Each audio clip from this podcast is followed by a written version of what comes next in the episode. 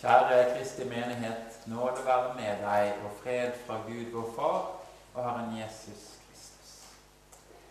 La oss be. Gode himmelske Far og Jesus Kristus, du vår bror og frelser. Vi takker deg for at du treenige Gud er sammen med oss i dag. Så ser du, Herre, den livets båt som vi alle sammen sitter i. Så kjenner du, Herre, hver enkelt som er samlet her i ditt hus i dag. Og du vet, Herre, hvilken nød og hvilken storm som er i den enkeltes liv. Kom til den enkelte, Herre Jesus, slik som du kom til disiplene i nød på vannet.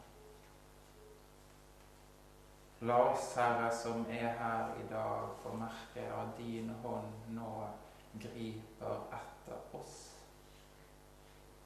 for å frelse oss fra den visse død. Herre, i dine trygge hender overgir vi oss nå i denne stund og ber om at du må gjøre ditt ord levende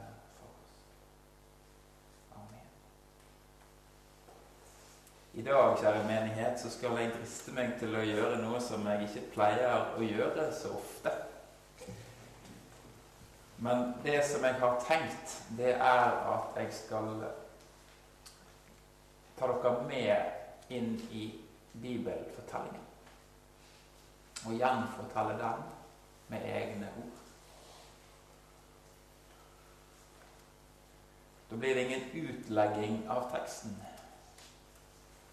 Men da blir det en skildring av teksten fra mitt perspektiv.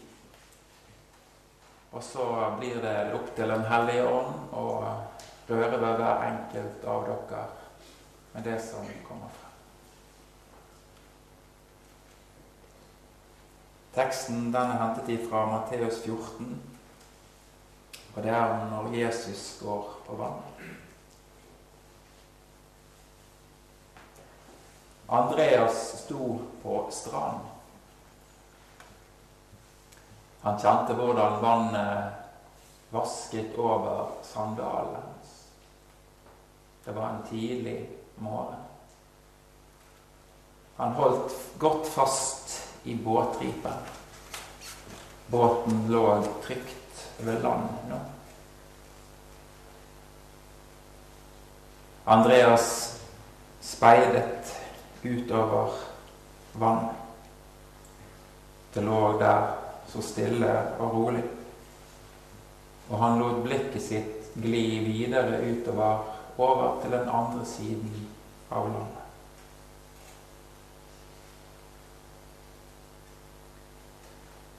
Tankene hans begynte å komme tilbake igjen til det som hadde skjedd dagen i forveien. Jesus hadde da bedt de om å gjøre båten klar for å dra over til den andre siden.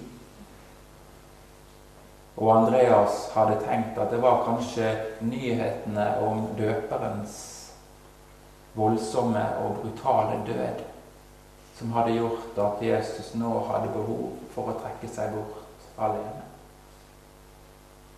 De hadde dratt i båten og de hadde brukt god tid over til den andre siden.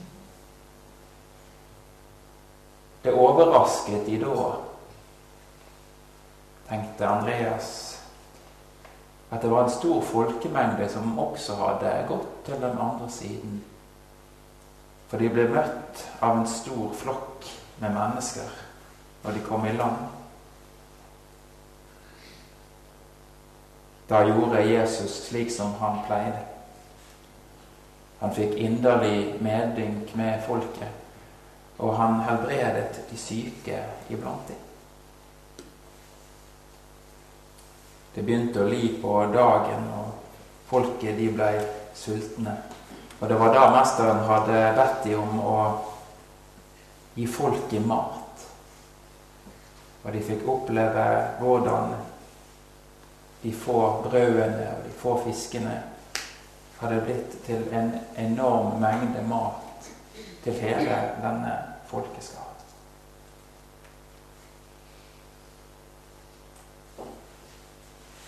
Andreas tenkte hvordan han og de andre disiplene hadde blitt fylt av glede og av, av storhetstanker. Hvordan bevegelsen deres nå endelig var i medvind. Hvordan de hadde fått oppleve det at så mange mennesker hadde fått sett Jesus storhet. Ja, kanskje dette var vendepunktet der ting skulle snu seg for dem, og folk skulle endelig få lov til å følge Jesus.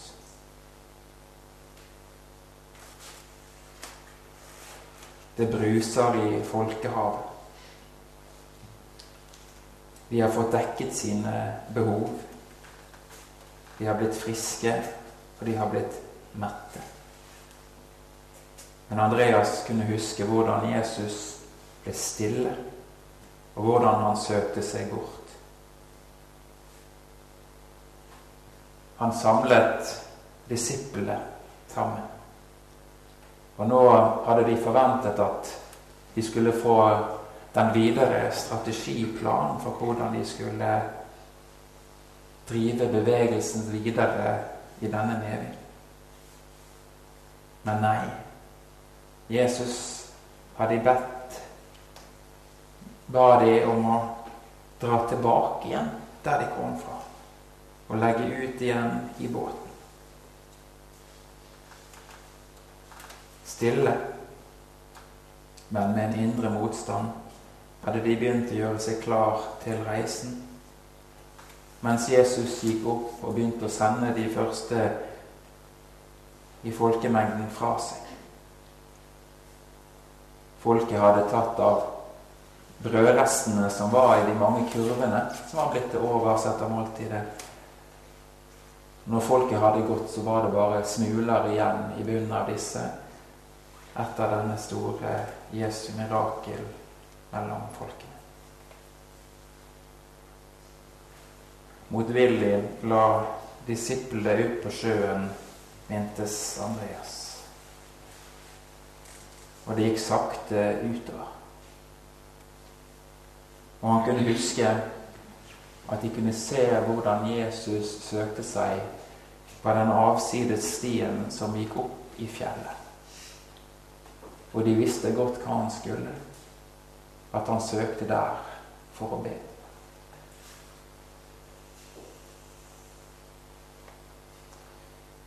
Nå begynte mørket å senke seg over vannet. Så de så ikke lenger Jesus i fjellsiden. Og nærmest umerkelig hadde også vinden begynt å ta seg opp. Og med den så hadde også bølgene begynt å slå mot båten. Og det økte, og det økte, og det økte. Andreas kunne huske hvordan de kjempet gjennom motvinden denne natten. Hvordan uværet så det blei, gjorde de mer og mer redde. For nå var de plutselig aleine her ute. Og den gode stemningen, latteren og gleden, den var blitt taus og stille. Og det var som om den sterke troen de hadde hatt tidligere på dagen Ja, Andreas kjente at den nå var blitt til en mer nagende uro og tvil. Troens fasthet ble ristet i stykker etter hvert som bølgene slo mot båten. Det var blitt seint. Det var blitt mørkt. Og det var blitt kaldt.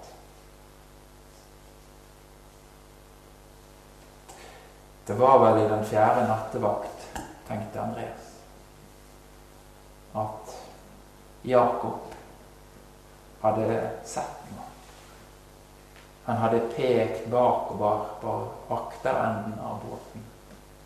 Hva er det for noe? Hva er det for noe?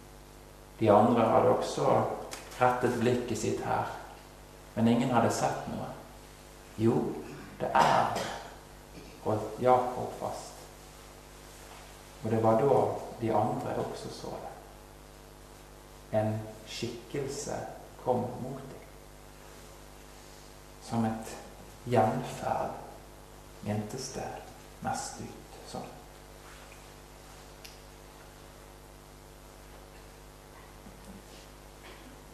Andreas kunne kjenne på, på frykten.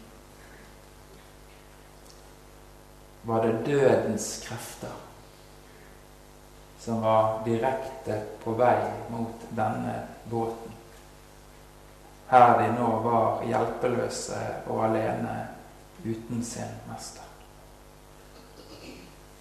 Og dette fryktelige å ikke kunne flykte bort fra døden som kom imot dem.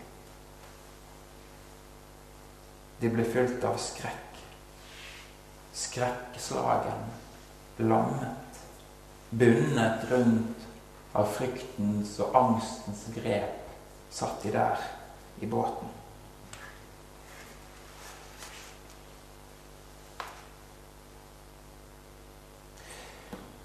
Så hørte de ordene. De kjente igjen røsten. Og det var som om ordene kom som et skarpt sverd og skar gjennom den fryktgrepet og repet som hadde knytt de så fast. Og ordene løsnet de opp. For det var Mesterens ord de hørte. Vær ved godt mot. Det er jeg. Vær ikke redd. Andreas husket. Ja, vi hørte ordene. Han så ut som noe annet enn det han var. Han som så ut som, en, som et gjenferd. Men det var Mesteren som kom gående til oss på det som var vårt store problem, på det som så ut til å være vårt, vår undergang. Han kom i en annen skikkelse enn vi hadde forventet, men vi hørte. Og da trodde vi, og da fikk vi fred.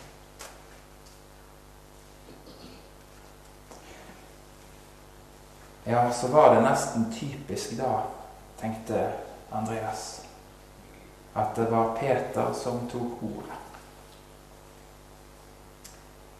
Og selvsagt måtte han be om noe umulig. Hvorfor gjør han dette? Hvorfor sier han slikt? Han ba om å få lov til å gå ut til mesteren på vannet. Og Jesus hadde svart Peter på hans spørsmål. Jesus hadde ropt han ut. Kom. Og Andreas kunne legge merke til hvordan Peters blikk ble festet på Jesus. Det var som om han ikke så noen ting annet enn bare Jesus.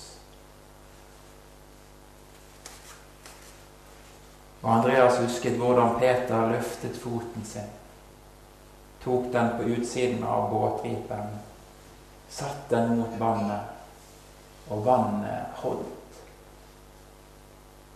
Peter tok sin andre fot gjorde det samme. Løftet den ut av båten, satt den på vannet, og vannet holdt. Så skjøv han fra båtripen som han holdt fast i. Og med faste skritt gikk han steg for steg på vannet, på stormen, ut mot Jesus.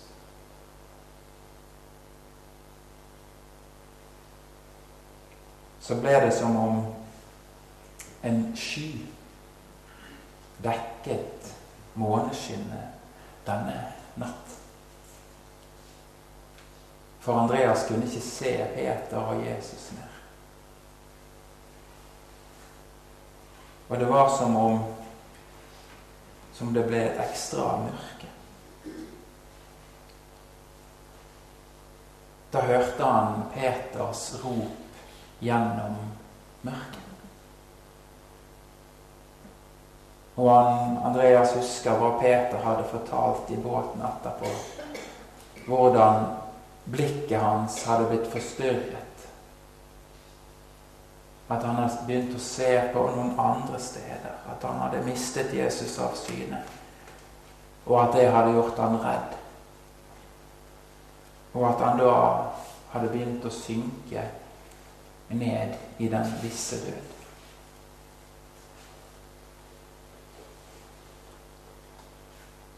Herre, berg meg. Herre, frels meg, ropte Peter fra vannets grep.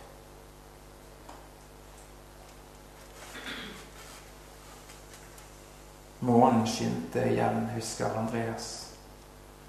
Og han kunne se hvordan Peter var på vei ned i dypet. Da var det som om alt ble satt på pause. Det var som om bølgene stoppet. Det var som om vinden ble stille. Det var som om alle i båten ble helt frosset i denne situasjonen. Og det eneste som beveger seg nå, det var Jesus' sterke hånd som grep ut mot sin synkende venn. Og han tok tak i ham og løftet ham opp.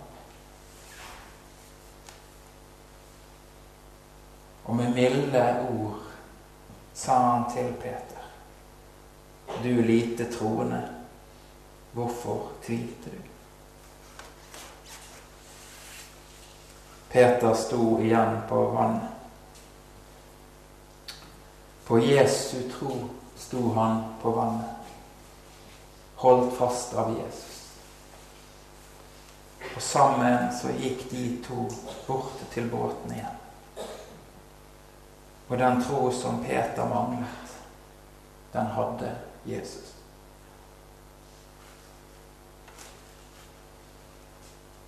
Så steg de opp i båten, husket Andreas. Og med det samme Jesu føtter nådde båtedørken, så stilnet vinden, og bølgene la seg og den hellige stillhet fylte båten. Ingen sa noe. Men én etter én falt de ned på kne foran Jesus. Og de begynte å lovprise og tilbe ham og si, Du er i sannhet Guds sønn. Du er i sannhet Guds sønn.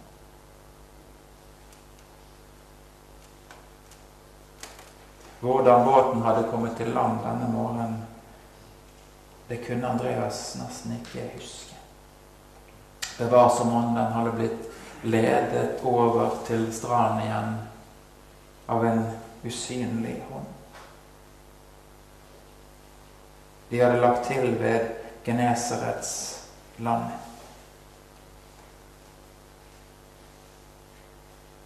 Men nå var Andreas tilbake igjen her i hverdagen. Nå sto han, nå sto han ved siden av båten, og han holdt, hadde holdt fast i båtripa. Så snur han seg, og så ser, så han bort mot Jesus og de andre disiplene.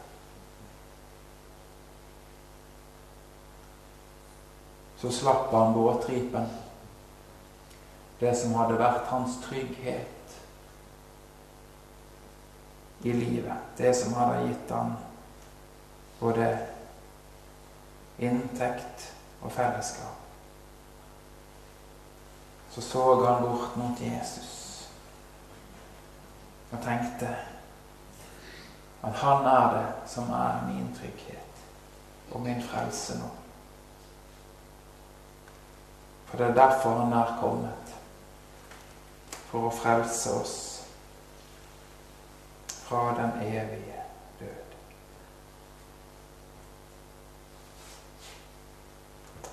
Ære være Faderen og Sønnen og Den hellige ånd, som var og er og alltid være skal en sann Gud, høylovet i evighet.